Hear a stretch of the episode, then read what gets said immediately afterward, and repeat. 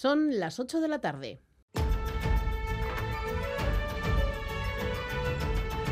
Crónica de Euskadi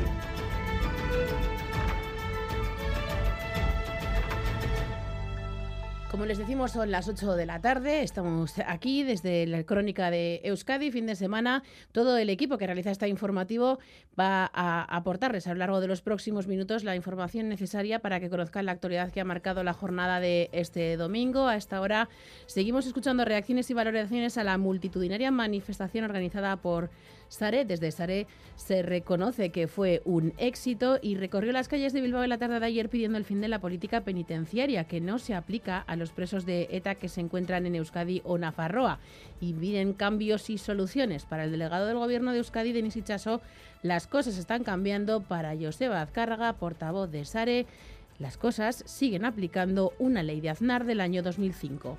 Eso es lo que ha permitido que la política, digamos, antiterrorista de la dispersión haya finalizado. Otra cosa es que efectivamente hay una vigilancia judicial, porque las sentencias no las establece un gobierno, pero quien no quiera ver que en los últimos años se han producido cambios muy significativos, hay, que estar ciego para no verlo. La misma legislación que Aznar eh, aprobó en el año 2005 con una ETA actuando, ni tampoco estamos en la misma situación cuando se aprueba la Ley 7-2003 o la Ley 7-2014, que posibilita condenas de hasta 40 años de prisión efectiva cuando el límite era 30 años, o cuando no se computa el tiempo de condena cumplida en cárceles francesas, es pura excepcionalidad. Y, y él lo sabe. En Gasteiz continúa la investigación que permite esclarecer las causas del accidente en el que en la madrugada del sábado fallecían dos jóvenes de 18 y 21 años cuando el vehículo en el que circulaban colisionaba con otro de alta gama en el polígono de Jundiz. La policía local de Gasteiz mantiene abierta la fase de declaraciones. También anuncia que en cuanto a la investigación van a tener en cuenta testimonios de testigos y de las personas implicadas directamente en el accidente. Se recuerda que para contactar con ellos se puede llamar al 092 o al 945 158 000. Y el diario El País publica este domingo una entrevista a Pedro Sánchez. El presidente del gobierno español asume con normalidad que esta legislatura deberá pactar para intentar separarse incluso también con aquellos que quisieron romper España en referencia a Junts y a las valoraciones de otros partidos.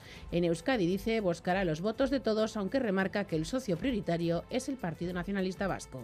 Por supuesto que vamos a, gobernar durante cuatro años. Este país no se va a poder gobernar si no se asume la pluralidad política y la diversidad territorial. Nosotros en Euskadi tenemos una relación estratégica con el Partido Nacionalista Vasco. Con Bildu nos separa un abismo en todo lo que tiene que ver con la convivencia. Pero yo voy a pedir el voto de todos los grupos parlamentarios que sean posibles para avanzar en derechos sociales y en Grindavik, al sureste de Islandia, un volcán ha entrado en erupción este domingo en torno a las 8 de la mañana, tan solo un mes después de que otra erupción escupiera una gran cantidad de lava en la misma zona, tal y como ha informado la Oficina Meteorológica de Islandia. La actividad sísmica del volcán de Islandia ha aumentado durante esta pasada noche y a las 3 de la madrugada las autoridades evacuaron a los vecinos del municipio de Grindavik, una pequeña localidad pesquera de unos 4.000 habitantes situada en la península de Reykjanes, en la costa suroeste de Islandia. No hay que lamentar daños personales. La lava, eso sí, ha causado importantes daños en edificios y carreteras. Y desde las dos y media de la tarde, Dinamarca tiene nuevo rey.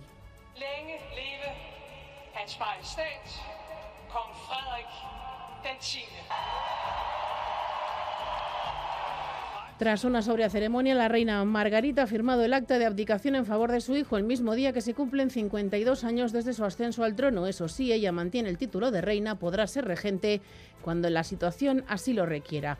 Conocemos también la previsión meteorológica para las próximas horas. Euskalmed, Nayara Barredo, Arrachaldeón. Arrachaldeón, mañana comenzaremos la semana con un tiempo muy similar, con cielos muy nubosos y también con lluvia. Mañana esa precipitación será más abundante en la vertiente cantábrica, donde lloverá de forma más frecuente, sobre todo por la mañana y en el entorno del mediodía. Y también repasamos dos sucesos en formato breve con Eder Menchaca. A Rachel León, sí, la Ertzaintza investiga la muerte de un hombre tras sufrir un accidente en Música. Ocurría a las 3 de esta tarde cuando la víctima, por causas que aún se desconocen, sufría un accidente cuando conducía un tractor en el barrio de Ormaeche. El tractor ha sido el único vehículo implicado. Los sanitarios solamente han podido certificar la muerte del hombre de 55 años. Ya se ha abierto una investigación. Y en Tudela un hombre ha sido detenido por un presunto caso de violencia de género. La víctima, ahora ingresada en el hospital Reina Sofía, sufre graves heridas en la cara tras las presuntas agresiones por parte del hombre detenido, que en las próximas horas pasará a disposición judicial. El presunto agresor fue quien llamó a la policía municipal denunciando haber sido agredido. Presentaba solamente heridas eh, muy graves en la mano. Es que ricasco Ede, reciban un saludo de nuevo de todo el equipo de esta crónica de Euskadi fin de semana en la técnica Javi Martín, así la Aparicio y Viviana Zavalla. Son las 8 y 5, comenzamos.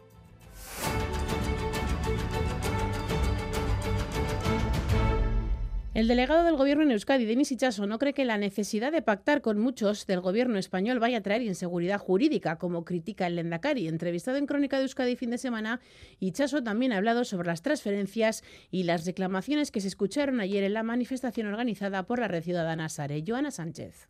Denis Ichaso recuerda que los presos de ETA ya están bajo el régimen penitenciario ordinario y que las regresiones de grado también se producían cuando la competencia estaba en manos de Interior un eh, avance de grado está sujeto no solamente a los informes de, de, la Junta, digamos, de tratamiento de las cárceles, sino que luego hay una vigilancia judicial y es la justicia la que en último término tiene la palabra sobre si esos avances de grado se producen con arreglo a la ley o no. Asegura que en un plazo breve se materializarán nuevas transferencias, entre ellas la de segunda fase de acogida de migrantes, que no permite decidir sobre asilo y acogida, pero sí sobre recursos y herramientas de inclusión. Si eso además lo trufas de la mirada que Junts ha mostrado sobre la inmigración y la expulsión de, extranjeros, pero lo que estamos hablando en Euskadi es otra cosa, se lleva hablando mucho tiempo, no es fruto de una decisión eh, reciente, sino que ya viene, viene siendo trabajado y al Lendakari Íñigo Urcuyu, que recientemente ha cuestionado la seguridad jurídica de los acuerdos en Madrid,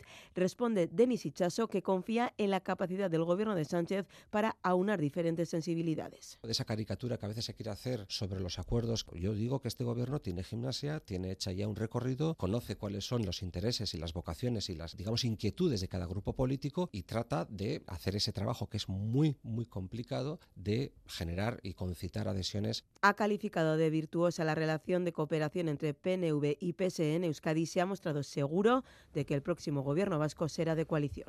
A las declaraciones de Deris Ichaso respondía Joseba Azcárraga para el portavoz de SARE no es ordinaria una legislación que aprobó José María Aznar en 2005 y que quitó competencias a los juzgados de proximidad.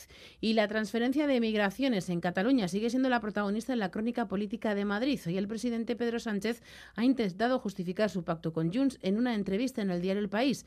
Allí habla de normalidad para llegar a acuerdos con quien impulsó la independencia, en alusión a Junts. También normalidad para avanzar en medidas sociales con Bildu, pero recuerda quién es su socio estratégico en Euskadi, el PNV. y Baza. Eso es, el presidente del Gobierno defiende que la transferencia de migración se recoge en el Estatuto de Cataluña. Por tanto, explica Pedro Sánchez en el país, cumplir con el Estatuto supone cumplir con la ley. Porque si nos creemos que vivimos en un Estado autonómico, lo que no podemos es concebir que las transferencias es una cesión y un chantaje, eh, porque lo que estamos haciendo es cumplir con la ley sin embargo, recuerda que la expulsión de migrantes es competencia del Estado. Aún así, Sánchez ha defendido los pactos con Junts. Pactar con quien quiso impulsar la independencia es una buena noticia y bueno para la democracia, decía el presidente. Ha puesto en valor los pactos para impulsar medidas sociales, también con Bildu, aunque recuerda que el socio estratégico en Euskadi es el PNV. Nosotros en Euskadi tenemos una relación estratégica con el Partido Nacionalista Vasco. Con Bildu nos separa un abismo en todo lo que tiene que ver con la convivencia. Pero, insisto de nuevo, desde el punto de vista políticas que pone en marcha este gobierno, yo voy a pedir el voto de todos los grupos parlamentarios que sean posibles para avanzar en derechos sociales Sánchez confía en poder agotar la legislatura para poder seguir avanzando en derechos sociales. Y en Gasteiz, la policía local sigue investigando el tráfico accidente en el que en la madrugada del sábado perdían la vida dos jóvenes de 18 y 21 años. El conductor del Polo continúa en estado muy grave, ingresado en un hospital, y la copiloto y el conductor del BMW están heridos leves. La declaración de estos dos últimos será clave para la investigación, también los testimonios de los testigos. Por ello, la policía pide nuevamente la colaboración ciudadana. Lier Puente. Sí, la investigación está abierta en fase de toma de declaraciones. Los dos jóvenes fallecidos de 18 y 21 años se encontraban sentados en la parte trasera del polo. El conductor de ese vehículo está en estado muy grave en la UCI del hospital de Chagorrichu. La copiloto, en cambio, tiene heridas leves. Su declaración será crucial para la policía. También la declaración del conductor del BMW que chocó con el turismo, herido leve. Además, la policía local de Gasteiz ha solicitado la colaboración de los ciudadanos que presenciaron el accidente. El teléfono 945-158-000 está activo para ello. Estos testimonios y los vídeos que puedan aportar ayudarán a construir una imagen completa de lo ocurrido, también las imágenes de las cámaras de seguridad de las empresas de la zona. Mientras tanto, en el polígono industrial de Jundiz, amigos de los fallecidos, aficionados del mundo del motor, han colocado flores, objetos personales y han encendido velas con los nombres de Cristian e Isaro en el lugar del mortal accidente. Y mañana dará comienzo la audiencia de Vizcaya el juicio contra siete de los presuntos responsables de la paliza a Alexandru Yonita, unos hechos que ocurrieron en julio del 2021 en Amorebieta, a consecuencia de los cuales el joven Alexandru quedó postrado en cama y con graves secuelas. La familia pedirá para los acusados prisión permanente revisable. Gorka Saavedra. Será la primera de las nueve sesiones de juicio previstas con posibilidad de continuar el día 26 de enero por la paliza que el 25 de julio de 2021 en Amorebieta dejó en estado vegetativo a Alexandru, de 23 años. Su madre, Ana Claudia, pide justicia. Normal. Espero, se, espero se facă justiție și să le dé viață. Se tomará declaración a los siete mayores de edad acusados y en la primera vista oral que se va a celebrar en la sección primera de la audiencia de Vizcaya, el tribunal también tomará testimonio a los padres de la víctima, Mariana Tulbure, abogada de la familia por lo menos se quitan la angustia que tienen. El padre lo tiene más interiorizado, pero la madre, pues no sé, como un polvorín, en cualquier momento a punto de darle una crisis de, de nervios por el estrés. Alexandru recibió una paliza con palos, botellas y puñetazos, entró en coma y a día de hoy sufre una importante discapacidad y permanece encamado. La Fiscalía pide para los acusados 14 años y 8 meses de prisión por un delito de asesinato en grado de tentativa. La acusación particular, prisión permanente revisable. Nuestro objetivo es demostrar que sí pertenecen a una banda organizada, no a un grupo criminal, y por lo tanto por eso hemos pedido asesinato en tentativa, pedimos como condena la prisión permanente revisable. Seis de los acusados se encuentran en prisión provisional y el séptimo en libertad con la obligación de comparecer ante el juzgado. La familia no quiere saber nada de ellos ni que les pidan perdón y no aceptarán ningún acuerdo no pueden entender que unos abogados o lo que sea que acuerden unas condenas para alguien que han podido hacer tanto daño a su hijo. El pasado junio, la Audiencia Provincial de Vizcaya ya confirmó las penas de entre 3 y 5 años de internamiento para los seis menores condenados. Además, impuso tres años de libertad vigilada a un séptimo por un delito de encubrimiento y de omisión de socorro y 18 meses de internamiento abierto por omisión del deber de socorro a un octavo. Y en Iparralde, en Endaya, movilizaciones para denunciar la nueva ley de inmigración francesa. Con el apoyo de varias asociaciones, partidos y sindicatos han lamentado este domingo que es la ley más dura de los últimos 40 años porque creen que facilitará la expulsión de los migrantes y que repercutirá de manera clara en sus condiciones de vida. Y en Ventana Internacional, una nueva erupción de magma ha obligado a evacuar la localidad islandesa de Grindavik por segunda vez desde noviembre. Esta nueva erupción es menor que la anterior, pero la cantidad de magma expulsada es mayor, sobrepasando las barreras de contención prevista. Una vez más, nuestros ojos allí, los vascos allí residentes. Eder Menchaca. Las zonas donde residen los ciudadanos vascos con los que hemos hablado no están en peligro, temen eso sí por los gases propagados por la erupción. Jaizkibel Roa trabaja cerca de la zona afectada. Yo hoy estaba trabajando casualmente y sobre las 8 menos 10 pues me ha llegado un mensaje de evacuación, evacuación, que se desaloje la zona, te van informando, sacan el helicóptero, sobrevuela el volcán y pues te dicen hacia dónde está yendo la lava, cómo puede ser. La grieta está expulsando gran cantidad de lava. La situación nos cuenta es peor que en ocasiones anteriores. Si no para, pues parece que la lava se desplace hacia el pueblo, que está justo en el mar, y entonces puede que, desaparezca o una parte o no sabemos lo que va a pasar, pero, pero tiene más mala pinta, la verdad. Jesús Rodríguez es también un vasco residente en el archipiélago.